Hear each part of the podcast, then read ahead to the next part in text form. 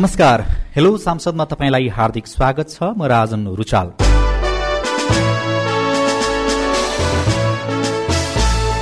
आजको हेलो सांसदमा हामी प्रदेश र संघीय संसदका उपलब्धि चुनौती तथा आगामी दिनका लागि जे जे कुराहरू सिकाइ भयो त्यो विषयमा रहेर छलफल गर्नेछौ।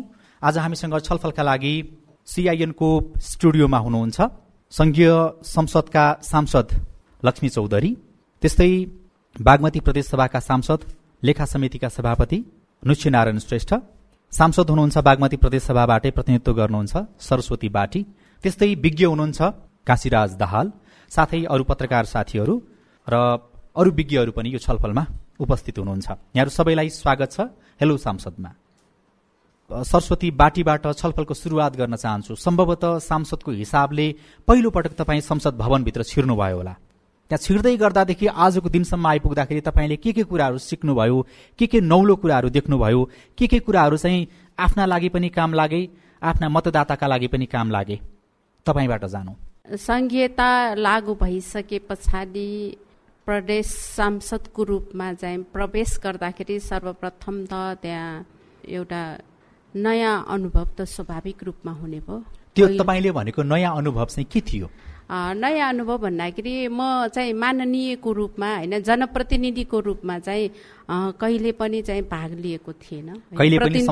प्रवेश गर्नु भएको थिएन। त्यस कारणले गर्दा पनि त्यो नौलो स्वाभाविक रूपमा हुने नै भयो स्वाभाविक हिसाबले तपाईँले कोट लगाइसके पछाडि लोगो लगाइसके पछाडि त्यो एक खालको त्यसप्रतिको प्रेम त्यसप्रतिको आत्मीयता भयो होला। नौलोपन त स्वाभाविक रूपमा हुने नै भयो। तर त्यसभन्दा बाहेक जनतासँग जोडिएका विषयहरू तपाईँ आफै पनि त्यहाँभित्र प्रवेश गरिसके पछाडि संसदमा यसरी छलफल हुँदो रहेछ जनताको कुरा यसरी उठाइदो रहेछ भन्ने कुरा चाहिँ के के कुराहरू नौलो अनुभूति गर्नुभयो। के के सिक्नुभयो तपाईँले? विशेषतया जनताका आवश्यकताहरूको बारेमा चाहिँ कसरी अगाडि बढ्नुपर्छ होला भनेर सर्वप्रथम त नियमकै आवश्यकता हुन्छ कानुनकै आवश्यकता हुन्छ। त्यो कानुनहरू निर्माणको लागि सर्वप्रथम हामीले चाहिँ विचार गर्नुपर्ने रहेछ आफ्नो समुदाय आफ्नो मातको चाहिँ क्षेत्रहरूको बारेमा होइन? ती क्षेत्रहरू कस्तो रहेछ भनेर त्यहाँको आवश्यकताको बारेमा त्यहाँ सम्बोधन गर्न सकिने रहेछ भन्ने कुरोहरूको बारेमा मैले अनुभूति गरेँ। जसको कारणले गर्दाखेरि कतिपय विधेयकहरू बनाउँदाखेरि त्यो विधेयकसँग सम्बन्धित रहेर आफ्नो स्थानीय क्षेत्रीय भौगोलिकता र सांस्कृतिक सम्पदादेखि सारा विषयवस्तुहरूलाई र अनि अगाडि बढाउनु पर्ने विषय कृषि क्षेत्रका कुराहरूको विषय अनि त्यसबाट त्यसलाई उत्पादनको क्षेत्र र उद्योग स्थापनाका क्षेत्रहरूलाई विस्तृत रूपमा चाहिँ अगाडि बढाउन सकिने कुराहरूको बारेमा मलाई धेरै त्यसबाट अनुभूति भयो होइन। त्यसले गर्दाखेरि मैले त्यो विषयमा धेरै कुराहरू राखेँ। बाहिर बसेर बोल्नु कुनै पनि कुराहरू उठाउनु सरकारलाई सुनाउनु र संसदमा रोस्टममा बसेर आफ्ना कुराहरू राख्नु सुनाउनु त्यसमा चाहिँ केही फरक हुँदो रहेछ? यो स्वाभाविक रूपमा यो फरक हुन्छ। किन भन्दाखेरि बाहिर बोल्दाखेरि अब धेरै कुराहरू चाहिँ बोलिन्छ तर त्यो रिकर्डेड हुँदैनन्।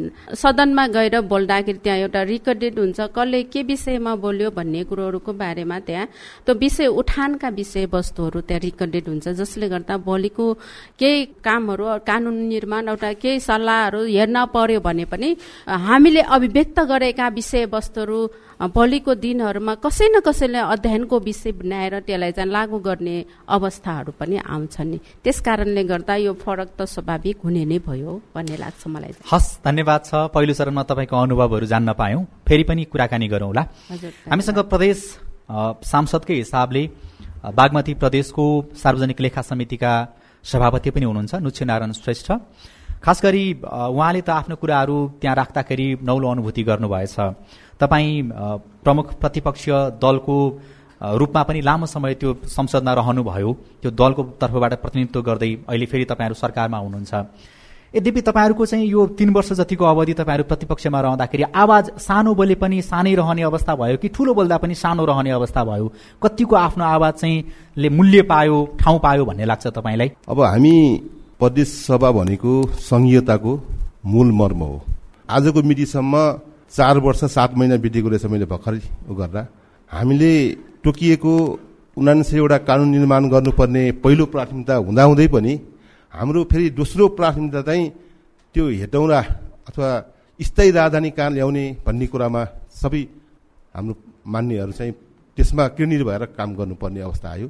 पहिलो अनुभव त्यहाँबाट सुरु गर्दै गर्दा नितान्तै फेरि मैले अर्को जिम्मेवारी के पाएँ भने एउटा पत्ती पछिले पाउनुपर्ने अभ्यास अनुसार मैले चाहिँ एउटा सार्वजनिक लेखा समितिको सभापतिको जिम्मेवारी मैले पाइसकेपछि मेरो फेरि अर्को प्रमुख काम चाहिँ अलिकति वित्तीय अनुशासनतिर पनि हेर्नुपर्ने। पक्कै पनि जनतालाई डेलिभरी गर्ने कुरामा वित्तीय अनुशासन नभइकन सुशासन कायम हुन सक्दैन भन्ने मान्यताका साथ हामी मैले सार्वजनिक लेखा समितिको बिसजना मान्यहरूको साथ मैले त्यो जिम्मेवारी पाउँदै गर्दा मेरो प्रमुख काम भनेको यो बेरोजगारी शून्यतामा ल्याउने कामतिर मैले गर्दै गर्दा मेरो अनुभव यतातिर गएको हुनाले मैले बिलभन्दा बढी त्यतातिर काम गर्ने अवसर पाएको र बिल्कुलै नयाँ हामीले जनताको जनप्रतिनिधिको हैसियतले जिम्मेवारी बोर्ड भएर त्यो हाउसभित्र छिर्दै गर्दा एकदमै नौलो अनुभूति र अनुभव हामीले पायौँ। स्वाभाविक हो नौलो अनुभूति हुने नै भयो।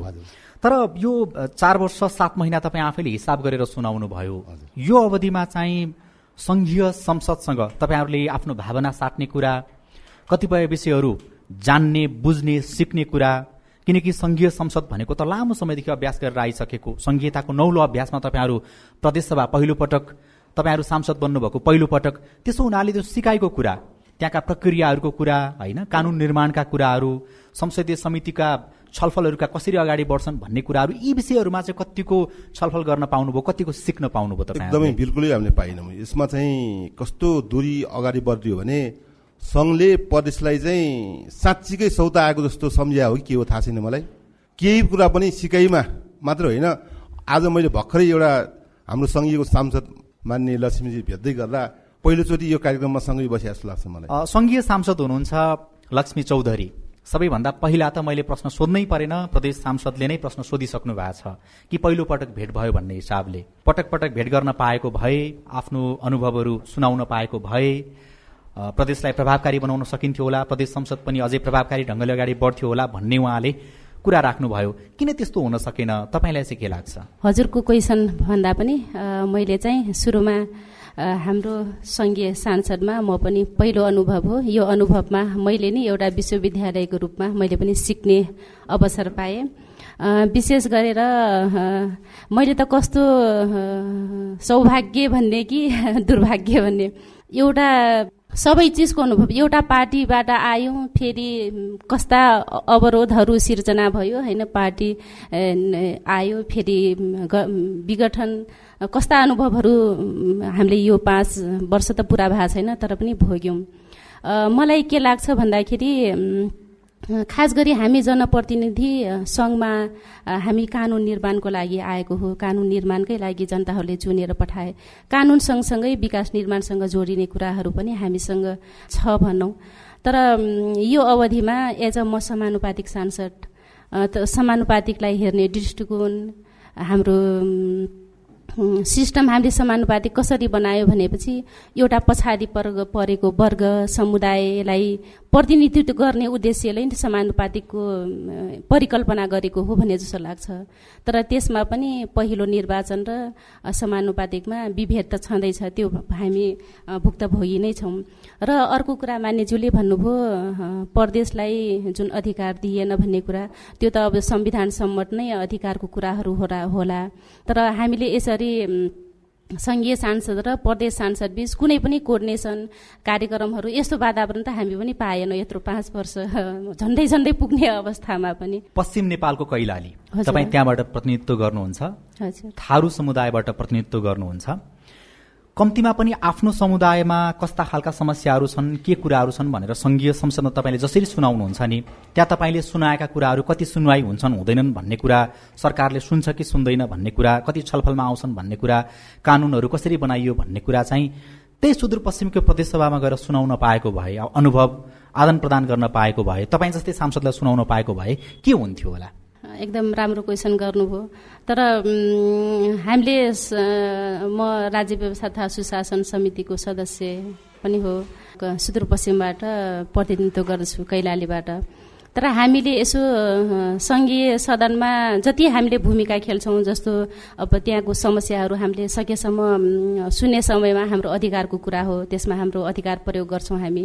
सुन्ने समयमा कुराहरू राख्छौँ। विशेष समयमा हामीले सधैँ समय पाउँदैनौँ। विशेष गरेर अब विशेष समय कम समय पाउँछौँ।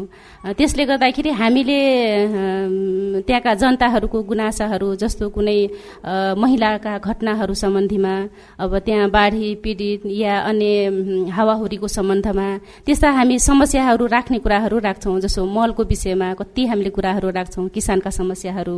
तर हामीले यति राम्रो संविधान बनाउँदा बनाउँदै पनि हाम्रो कार्यान्वयनको पक्ष त कति फितलो छ त्यो त हामी सबै भुक्तभोगी छौँ। एउटा बिरामी हस्पिटलमा भराना हुन नसकेर मान्यज्यू मैले भराना लागि एउटा बेडसिट पाएन भने कन्डिसन त कस्तो छ हाम्रो कार्यान्वयनको विषय त्यसैले गर्दाखेरि हाम्रो कार्यान्वयनको पक्ष नै बलियो बनाउनु पर्छ भन्ने नै लाग्छ मलाई। प्रदेश सांसदहरूले प्रदेशसभा सदस्यहरूले चाहिँ तपाईँकै क्षेत्रको तपाईँकै साथीभाइहरू पनि हुनुहुन्छ नि त होइन?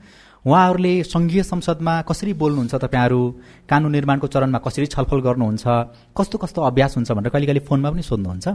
सोध्नुहुन्छ पक्का पनि। जसो कुन विधेयकहरू आइरहेछ होइन विधेयकहरूको बारेमा जसो बजेटका विषयमाहरू बजेटमा हामी बोल्दाखेरि अब हामीले बजेट बनाउँदाखेरि त्यसको लागि सुरुमा त निधिथा कार्यक्रम आउने भयो होइन। त्यो विषयमा हामीले छलफल गर्दाखेरि यी यी विषयहरू हामीले सरकारले यसरी विषयवस्तुहरू ल्याएको छ यी विषयवस्तुमा हामीले बोलिरहेछौँ भनेर उहाँले चाहिँ अब चाहिँ त्यो बजेट आउँदाखेरि प्राथमिकता के केमा छ त सरकारको निधिथा कार्यक्रममा के केमा प्राथमिक प्राथमिकता छ। भनेर उहाँहरू सोद्धाखेरि हामीले कोर्डिनेसन गर्ने यस्तो यस्तो प्राथमिकताहरू आज आज यी विषयहरू महत्त्वपूर्ण छन् भनेर हामीले कहिलेकाहीँ सल्लाह दिन्छौँ उहाँहरूले। त्यसो फलो गर्नुहुन्छ। अन्य कुराहरू जस्तो अन्य विधेयकहरू जस्तो शिक्षाका विधेयक विधेयकहरू। यी विधेयकहरू अब किन भन्दाखेरि सङ्घमा जब एन बन्छ त्यसपछि मात्र त छाता ऐन त प्रदेशमा स्वत जाने हो। जस्तो निजामती कर्मचारीको विषयमा हाम्रै समितिमा आएको विषय हो।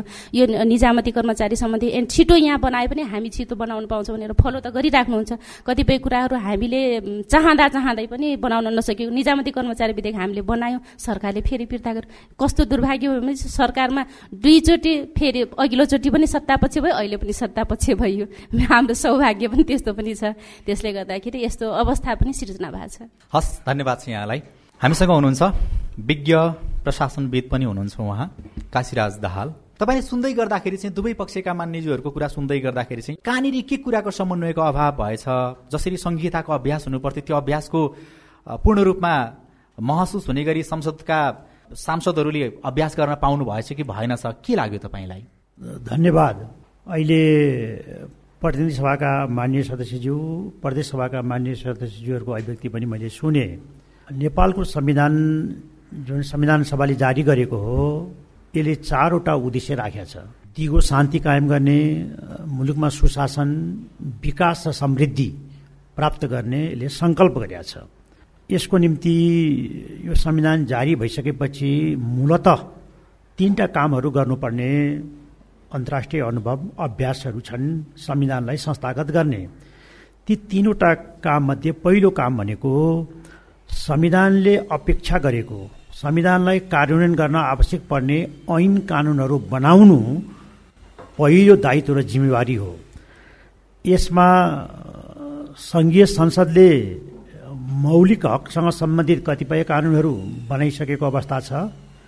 कतिपय कानुनहरू बनाएर कतिपय कानुनहरू बनाउनु पर्ने पनि बनाउन नसकेको अहिले स्वयं प्रतिनिधि सभाका मान्य सदस्यले भन्नुभयो सङ्घीय निजामती सेवा ऐन समयमै बन्नु पर्थ्यो त्यो बन्न सकेन।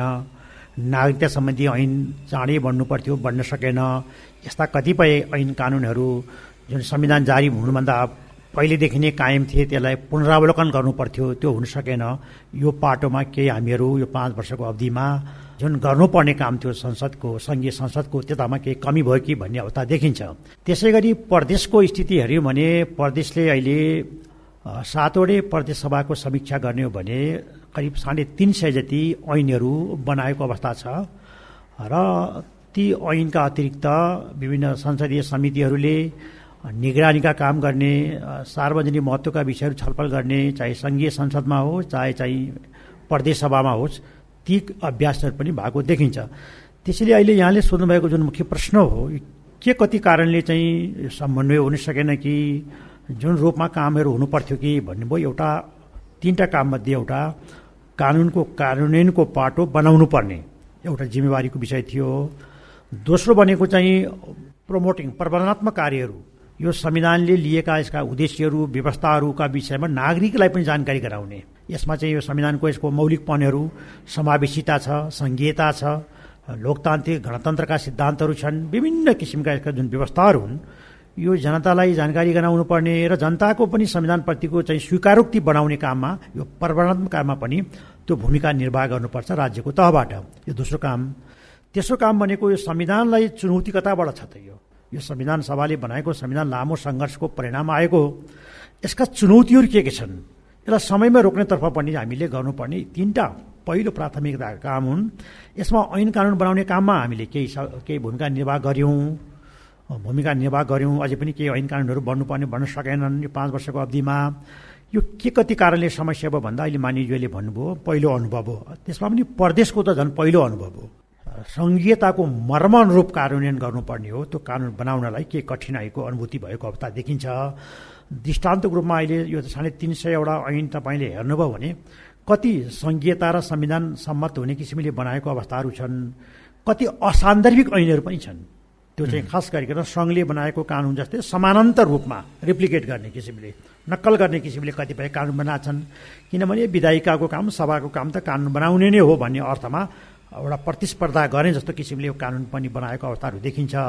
हुनुपर्ने के थियो भने संविधानले अपेक्षा गरेको प्रादेशिक महत्त्वका विषयहरू कानुनको राज्यको अवधारणा अनुसार कानुन बनाउनु पर्ने प्राथमिकरण निर्धारण गर्नुपर्नेमा कता कता त्यो प्राथमिकरण किन निर्धारण गर्न सकिएन भन्दा अहिले मान्यज्यूहरूले भन्नुभएको जस्तो अनुभवको कमी हुनसक्छ र त्यसमा चाहिँ समन्वयको अभावहरू। फेरि प्रदेशसभा सदस्य सरस्वती बाटीतर्फ नै फर्कौँ। जसरी अहिले हामीले छलफल गऱ्यौँ यहाँ छलफल गर्दै गर्दाखेरि केही कुराहरू हाम्रो विज्ञले भन्नुभयो केही कुरा सङ्घीय संसदको मान्यज्यूले भन्नुभयो।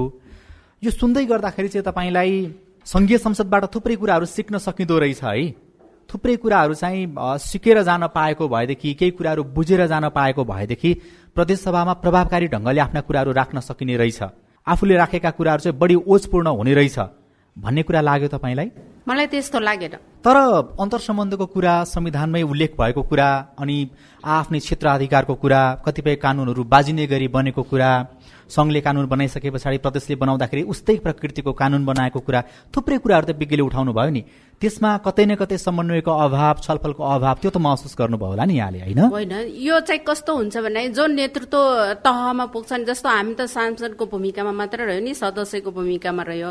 अब जो सरकारको भूमिकामा रहने नेतृत्वकारी भूमिकाको तहमा रहनेहरूसँग त्यो कुराको ज्ञान कमी भएपछि चाहिँ के हुन्छ भन्दाखेरि समन्वय गर्नुपर्ने थियो कि थिएन र गर्दाखेरि चाहिँ त्यसको प्रभावकारिता राम्रो हुने थियो कि थिएन अथवा त्यो नगर्दा नै आफूसँग त्यो ज्ञानको प्रयोग गर्न सकिने अवस्था हुन्थ्यो कि हुन्थेन यी कुराहरूको कारणले गर्दाखेरि समस्या उत्पन्न भएको हुनुपर्छ भन्ने मैले महसुस गरेको छु प्रदेशमा प्रतिनिधित्व गर्दाखेरि। तपाईँहरूले गरेको असल अभ्यास असल छलफललाई कम्तीमा पनि प्रदेशसभाले यस्तो राम्रो काम गरेको छ है भनेर संघीय संसदले ग्रहण गरिदिएको भए पनि त्यो पनि त तपाईँहरूको लागि फाइदाको विषय हुन्थ्यो होला नि होइन? प्रदेशले गर्ने कामहरू यो यो र संघले गर्ने कामहरू यो यो भनिसके पछाडि प्रदेशले गर्नुपर्ने कामहरूको बारेमा जुन जिम्मेवारी तोकिदिएको छ त्यही जिम्मेवारीको आधारमा बसेर गर्नुपर्ने कामहरू नेतृत्व पङ्क्तिले नेतृत्व गर्ने व्यक्ति भनौँ न पदले चाहिँ त्यो कुरालाई चाहिँ कमजोर बनाइदिएपछि के हुन्छ भन्दाखेरि अरूसँग सोध्ने कि नसोध्ने कि यी धेरै कुराहरू फरक पर्दछन् होइन? मेरो अनुभवमा। त्यसले गर्दा त्यहाँ धेरै त्यस्ता कुराहरू पनि केही कुराहरू मैले भेटाएको छु होइन? अब यो कुराहरू समय आएपछि त्यो कुराहरू त आउँछ नै होला। तपाईँले आफ्नो कार्यकाल लगभग व्यतीत गर्न लाग्नु भएको छ। यो अहिलेसम्मको तपाईँले बिताएको अवधिको हिसाब किताब गरेर भन्नु पर्यो भनेदेखि चाहिँ बागमती प्रदेशसभाको पहिलो कार्यकाललाई लिएर तपाईँले दस नम्बर पूर्णाङ्क राखौँ। त्यस्तो अवस्थामा कति नम्बर दिन सक्नुहुन्छ भन्नुहोस् त। त्यो नम्बर राखेर कुरा भन्दा नि मापन गर्ने यन्त्र हुँदैनन् होइन। त्यसले गर्दाखेरि त्यो मापन गर्ने यन्त्रसँग सम्बन्धित भएर म कुरा राख्न चाहन्न। त्यो कामको हिसाबले सन्तोषजनक अवस्था छ? त्यो सन्तोषजनक अवस्था छ छैन भन्ने पनि भन्न म चाहदिनँ किन भन्दाखेरि त्यहाँ गर्नुपर्ने कामहरूको बारेमा जे जे जिम्मेवारी आएको थियो त्यो त्यो कामहरू हामीले गरेका छौँ भनेर अब यो कुरा चाहिँ? नागरिकले भन्नुपर्ने भयो अब चुनाव आउँदैछ त्यो हिसाबले भन्नु पर्दाखेरि जति खेल्नुपर्ने भूमिका थियो गर्नुपर्ने कामहरूको थियो हामी सदस्य भएको कारणले गर्ने कामहरूको बारेमा त्यहाँ चाहिँ कतिपय कुराहरू चाहिँ कार्यान्वयनको क्षेत्रमा चाहिँ अभाव हुन्छ जस्तो अघि अ, सङ्घीय सांसदले भन्नुभयो नि त हामी समानुपातिक प्रणालीबाट आएको कारणले गर्दाखेरि त्यहाँ दुई किसिमको सांसदको विभेद भेदभाव गरिएको। महसुस गर्नु होइन। त्यो महसुस होइन नीति र कार्यक्रममै आएको छ भनेपछि त्यसलाई महसुस मात्र भन्न सकिएला र? सकिँदैन नि। अहिले हाम्रो समिति समिति बनाइदिएको हुन्छ नि त। समितिमा अब सांसदहरूको विज्ञता के थियो भन्ने कुरोहरूको बारेमा नसोधिकन उनीहरूलाई विभिन्न आफ्नो आफ्नो खालको माथिबाट जे भन्यो त्यही खालको समितिमा राखिदिएपछि विज्ञता कहाँ हो के हो कता कता नि त्यो सबै। त्यसले गर्दा आफूसँग भएको विज्ञताको बारेमा पनि त्यहाँ चाहिँ समावेश गर्न सकिने अवस्था रहँदा पनि त्यो नहुने खालको अवस्था हुन गएको छ। हस् हुन्छ यहाँलाई धन्यवाद छ। प्रदेशसभा सदस्य हुनुहुन्छ। बागमती प्रदेशको सार्वजनिक लेखा समितिका सभापति पनि हुनुहुन्छ नुच्छी श्रेष्ठ। सांसदहरूको आफ्नै अनुभव छन्। तपाईँले देख्दाखेरि चाहिँ प्रदेश सभा बागमती प्रदेश सभाले जति काम गर्नुपर्ने थियो त्यो अनुसार काम गर्न सक्यो कि सकेन? तपाईँहरूले गरेको कामको मूल्याङ्कन जनताले गर्दै गर्दाखेरि चाहिँ कसरी गर्लान्? तपाईँहरूलाई अहिले डर छ कि छैन? हामीले पर्याप्त रूपमा काम गर्न पाएनौँ।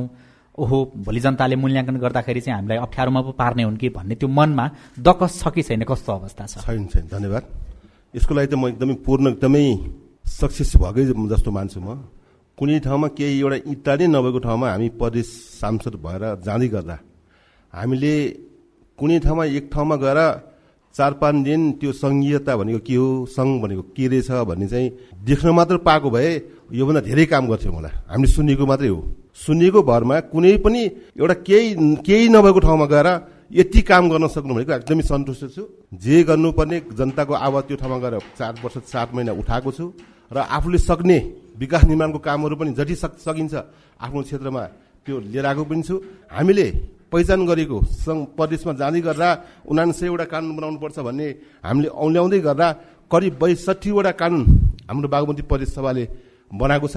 त्यो बैसठीवटा कानुनमा पनि आफ्नो अब यो- प्रदेश सञ्चालन अ, ऐनै छैन अहिलेसम्म। भनेपछि अहिले भर्खर दुईवटा ऐनहरू महत्त्वपूर्ण ऐनहरू अरूले बनाइसकेपछि आएको थियो दुईवटा यो निजाम प्रदेश निजामती ऐन र एउटा स्थानीय सेवा गठन ऐन आएको थियो त्यो ऐनलाई अब के कारणले हो त्यो पास गर्न सकेन त्यो महत्त्वपूर्ण ऐन थियो। अहिले अध्यादेशबाट फेरि अध्यादेशबाट जारी गरेर त्यो काम भइरहेको छ लोकसेवा आयोगले गरेको छ। जति प्रदेश सभामा म जाँदै गर्दा मैले अघि मान्यले भने जस्तै म त्यो त्यो ठाउँमा एकदमै विश्वविद्यालय नै मैले ठानेको छु। किन भन्दा हामी हाम्रो कामहरू सुना सुनाउने कुरा त्यहाँको जुन अब सबै जनताको अब अब आफ्नो जिम्मेवारी बोर्ड भएर जनताको प्रतिनिधि भएर त्यो ठाउँमा उभिँदै गरेर बोल्दै गर्दा हामीलाई एउटा गौरव पनि लागेको छ र हामीले शून्य भएको ठाउँमा केही पनि नभएको पहिलो सङ्घीयताको पहिलो प्रदेश सभामा हामीले बैसठीवटा ऐन कानुन बनाएर यतिसम्म बागमती प्रदेशलाई यतिसम्म यो ठाउँसम्म ल्याउनु ल्याउनु पर्ने मलाई गर्व लाग्छ। जति गर्छु भने गएको त्यति गर्न नसकेको हो तर हाम्रो आफ्नो कारणले होइन हामी जनतालाई स्पष्टसँग भन्छौँ हामीले सक्ने काम सबै गरेर आएको छु। एक दुईवटा प्रश्नहरू लिउँ त्यस पछाडि बिटमा कार्यक्रमको। नमस्कार मानाजीहरूलाई नमस्कार विज्ञेश्वर लगायत यो सिआइएन परिवारलाई मेरो नमस्कार।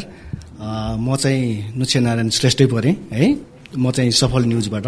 मैले मैले चाहिँ भर्खर अहिले बागमती प्रदेशको हाम्रो मान्यजीको मैले उहाँको एन्सर सुने। त्यो यदि अघि पहिलादेखि मैले सुन्दै जा गर्दाखेरि अब उहाँले त भन्नुभयो दोष जति अर्काले थोपारेर आफू पानीमाथिको ओभानो जस्तो चाहिँ बन्नु भएको छ उहाँले भन्नुभयो बागमती पनि बागमती प्रदेशकै हो। अब यहाँनिर तपाईँले भन्नै रहँदाखेरि तपाईँले सबै गरेका छु सबै राम्रो भएको छ केही पनि छैन भन्नुहुन्छ। तर तपाईँले अन्त जानु पर्दैन यो काठमाडौँकै कतिपय ठाउँमा सडक निर्माणदेखि लिएर शिक्षा स्वास्थ्य लगायत क्षेत्रहरूमा तपाईँले जानुभयो भने अस्पतालको अवस्था त्यस्तै छ बिरामी व्यवस्था त्यस्तै छ विद्यार्थी पढ्न पाइरहेछन् सडकहरू जिउका त्यौँ दस पन्ध्र वर्षसम्म चाहिँ तपाईँको समस्या समाधान हुनु पाएको छैन। बनेको छैन बनाए पनि त्यो धुल- धुलाम्बे भएर बसेको छ। तपाईँ हेटौँडा आउँछ त्यहाँबाट आउँदा आउँदा जाँदा त्यो बाटो त्यो जुन कोरिडोर छ त्यो अहिले फर्किङबाट आउने बाटो त देखिरहनु भयो होला होइन? त्यो सुधार हुन नसक्नुमा के अब केन्द्र सरकारको दोष हो त? हस् धन्यवाद छ यहाँलाई। नुसिनारायण श्रेष्ठ बागमती प्रदेशका प्रदेशसभा सदस्य। धन्यवाद। मैले एज ए होल म चाहिँ सांसदको को भएर कुरा गरिरहेको छु अहिले। म कार्यकारिणी पदमा भइदिएको भए मैले सबै जिम्मेवारी लिएर मैले गरेको छु भनेर गर्न सकिनँ भन्ने भन्नु पर्ला। मैले भन्ने कुरा पनि हाम्रो निशानले भने जस्तै हो। मैले हाउसमा कुरा उठाउने त्यही हो। तपाईँले गर्नु सक्नु भएन। भन्दाखेरि उहाँले त्यही कुरा गर्नुहुन्छ फेरि यो सार्वजनिक खरिद ऐनकै कुरा गर्नुहुन्छ। यो हाम्रो सार्वजनिक खरिद प्रणाली नै त्यस्तो छ। एउटा ठेक्का लि दिइसकेपछि तिन वर्षसम्म हाम्रो राज्यलाई थेरालले घुमाएर बस्छ। म पनि उठाउँछु फर्पिनदेखि हिरोडा जाने बाटोमा। सधैँ के। सधैँ हिँड्ने बाटोमा म पनि कुरा उठाउने गर्छु। उहाँलाई कार्यकारिणी पढ्न भन्नलाई के गर्नुभएको भन्दाखेरि उहाँले एउटै कुरा गर- गर्नुहुन्छ ठेक्का लागेको हो ठेक्काले कामै गरेन भन्नुहुन्छ। त्यो ढिलाइ भएकै हो। प्रदेश सरकारले त्यो काममा चाहिँ कार्यकारिणी पोस्टमा बस्नेले काम गर्न नसकेकै हो। सङ्घीय सांसद हुनुहुन्छ लक्ष्मी चौधरी। तपाईँले चाहिँ यो सबै कुराहरू सुनिसके पछाडि केही प्रश्नहरू पनि आए। जे गर्न सकियो जति गर्न सकियो त्यो पर्याप्त गर्न सकियो कि धेरै कुराहरू चाहिँ गर्न बाँकी नै रहेछ। ओहो धेरै कुराहरू छुटेछ। यसपटकको यो पाँच वर्ष त यसै पो गएछ। धेरै कामहरू नगरी गएछ भन्ने लाग्यो तपाईँलाई। मलाई के लाग्छ भन्दाखेरि यो पाँच वर्षको अवधिमा हामीले दुई ढाई वर्ष जति काम गऱ्यौँ कोभिड सुरु भयो। कोभिडको कारणले पनि हामीले कानुनहरू निर्माण गर्न सकेनौँ। आन्दोलन गर्नमै हामीले चार पाँच महिना खट्यौँ। त्यसपछि फेरि नेकपा एमाले फेरि नौ महिनासम्म संसद अवरुद्ध गर्यो त्यसमा पनि हामीले आफ्नो भूमिका जति हामीले कानुन निर्माण गर्नुपर्ने हो जस्तो मौलिक हक तिन वर्षभित्रै निर्माण गरिसक्नुपर्ने। ती मौलिक हक हामीले निर्माण त लगभग हामीले मौलिक हक निर्माण गरिसक्यौँ। जस्तो मैले यहाँ डाटा जस्तो हामीले एक सय एकाउन्नवटा विधेयक दर्ता भयो त्यसमा हामीले एकानब्बेवटा मात्र पास गर्न सक्यौँ। एघारवटा त फिर्ता नै भयो। अब एक महिना अवधि पनि छैन तेह्रवटा अझ प्रक्रियामा छ। भनेपछि हामीले कति काम गर्न पायौँ त? हामीले जसरी विधेयक बनाउँदाखेरि विधेयक कार्यसूची आउँछ फेरि संशोधन हाल्नु पर्यो फेरि सदनमा दफावार सैद्धान्तिक छलफल सदनमा हुन्छ अझ समितिमा दफावार छलफल गर्नुपर्छ।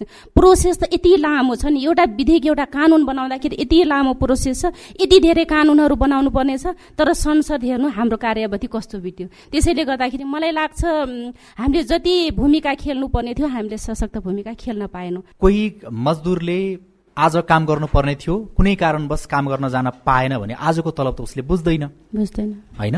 त्यो हिसाबले सांसदहरूले निर्माण गर्नुपर्ने जति कानुन निर्माण नगरेका कारण आफूले गर्नुपर्ने जति काम नगरेका कारण कहिले कहिले त्यो आत्मग्लानी हुँदैन। यो हामीले बेकारमा किन भत्ता चाहिँ खाइराखेका छौँ अथवा तलब लिइराखेका छौँ? जनताको पसिनाबाट आएको कुरा लिइराखेका छौँ भने त्यस कुरामा कतै न कतै हामीले आत्मबोध गर्नुपर्छ भन्ने चाहिँ लाग्छ कि लाग्दैन? लाग्छ। हामी एज अ सांसद म चाहँदा चाहँदै पनि गर्न नसक्ने शीर्ष नेताका कारण हामी गर्न नसक्ने त्यस्ता छौँ। ओ जसो नागरिकता विधेयकको कुरा गरौँ न नागरिकता विधेयकमा मेरो आफ्नै दल आफ्नै सरकार पक्षमा मेरो सहमत थिएन म विपक्षमा थिएँ। तैपनि बाध्यता पार्टीले हुइप जारी गर्यो। इभन मलाई त संशोधन नआल भन्ने निर्देशन थियो। तर म नैतिक रूपमा म त्यही समितिबाट हाम्रो अगाडि अघिल्लोचोटि हामीले पास गरे हुनाले म नैतिक रूपमा म तपाईँहरूको सहमतिमा आउँदैन। तर हुइप जारी गर्यो भने संशोधन फिर्ता लियो भनेपछि म संशोधन फिर्ता लिन्छु। एज अ सत्तापक्षको सांसद। तर म आफ्नो बोली आफ्नो आवाज म बुलन्द राख्छु। जस्तो तपाईँ एमसिसी पक्षमा म खुले आम स्टाटस लेखेँ। म एमसिसीको विपक्षमा सामाजिक। सञ्जालमा मैले लेखेँ। किन भन्दाखेरि हाम्रो पार्टीबाट एक किसिमको धारणा आइसकेको थिएन। यसको विपक्षमा नै छौँ भन्ने कुरा सडक पनि त्यसै गरी तात्या थियो। त्यसैले गर्दा म एमसिसीको विपक्षमा उभिन्छु भनेर म आफ्नो धारणा व्यक्त गरेँ। तर हामीले बाध्यता के भयो? त्यसैले गर्दाखेरि कतिपय कुराहरू मैले चाहँदा नचाहँदै पनि न म एउटा दलको सदस्य हुनाले हामी गर्न नसक्ने अवस्था। त्यसैले गर्दा कतिपय कुराहरू सन्तुष्टि म के हिसाबमा छु भनेपछि म जनताका कुराहरू सदनमा बुलन्दसँग आवाज उठाउन सकेँ। त्यो विषयमा म सन्तुष्ट छु। सांसदहरूलाई गाह्रो चाहिँ के विषयमा रहेछ भन्दाखेरि एकातिर शीर्ष नेताको दबाव। विभिन्न कामहरूमा अर्कोतिर जनताले लगाउने धारयात तिमीहरूले हाम्रो काम गरेनौ। किन। बोलेनौ? किन हाम्रो काम भएन भन्ने हिसाबले। त्यो दबावका बीच तपाईँहरूले काम गर्नुभयो होइन? दोहो दोहोरो दोहोरो। म म भन्ने गर्छु कि एकातिरबाट ताली पनि पाउँछु अर्कोतिर गा गाली पनि पाउँछु। दोहोरो छ त्यसैले गर्दाखेरि। कति कुरो कुरामा राम्रो पनि छ कति कुरो कुरामा आत्मगलानी त हुन्छ नै। अब हामी अन्तिमतिर छौँ। हामीसँग विज्ञको हिसाबले काशीराज दहाल सर हुनुहुन्छ। दुईटा संसदको बीचमा हुनुपर्ने जति पनि एक खालको समन्वयकारी भूमिका थियो त्यसको कुरा गर्दाखेरि चाहिँ के के कुराहरू तपाईँ सुझावको रूपमा राख्न चाहनुहुन्छ? एकदमै छोटकरीमा राखिदिनु होला कानुन बनाउने भनेको कुरा आफै एउटा प्राविधिक विषय हो। हरेक क्षेत्रको कानुन बनाउनु पर्ने यसमा उहाँलाई चाहिने जुन किसिमको सपोर्ट हो। विज्ञहरूको सपोर्ट हुन्छ सचिवालयको सपोर्ट हुन्छ दलको सपोर्ट हुनुपर्छ। जुन मात्रामा त्यो अपेक्षा गरिया हुन्छ संविधान कानुनले त्यो मात्रामा चाहिँ विगतमा हुन सकेन भन्ने कुराको चाहिँ त्यो अनुभूति देखिन्छ। यसलाई हामीले बाक्लै रूपमा चाहिँ घनीभूत रूपमा संवाद र छलफल गर्नुपर्छ र सङ्घीय तहले चाहिँ एउटा नेतृत्वदायी भूमिका केमा भन्दा विधायन व्यवस्थापनका सम्बन्धमा ऐन कानुनमा भएको व्यवस्थालाई प्रभावकारी रूपमा कार्यान्वयन गर्नमा एउटा लिडिङ रोल खेल्नुपर्छ। त्यो हुन सक्यो भनेदेखि चाहिँ तगत समन्वय पनि हुन्छ अन्तर सम्बन्ध पनि हुन्छ र कानुनमा एकरूपता पनि हुन्छ गन्तव्य एउटै हुन्छ। संहिताको कार्यान्वयनबाट जनताको जीवन स्तर उकास्न ल्याइएको जुन संविधान हो यो कार्यान्वयनमा जान्छ।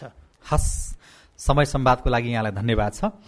र धन्यवाद छ सङ्घीय सांसद लक्ष्मी चौधरीलाई।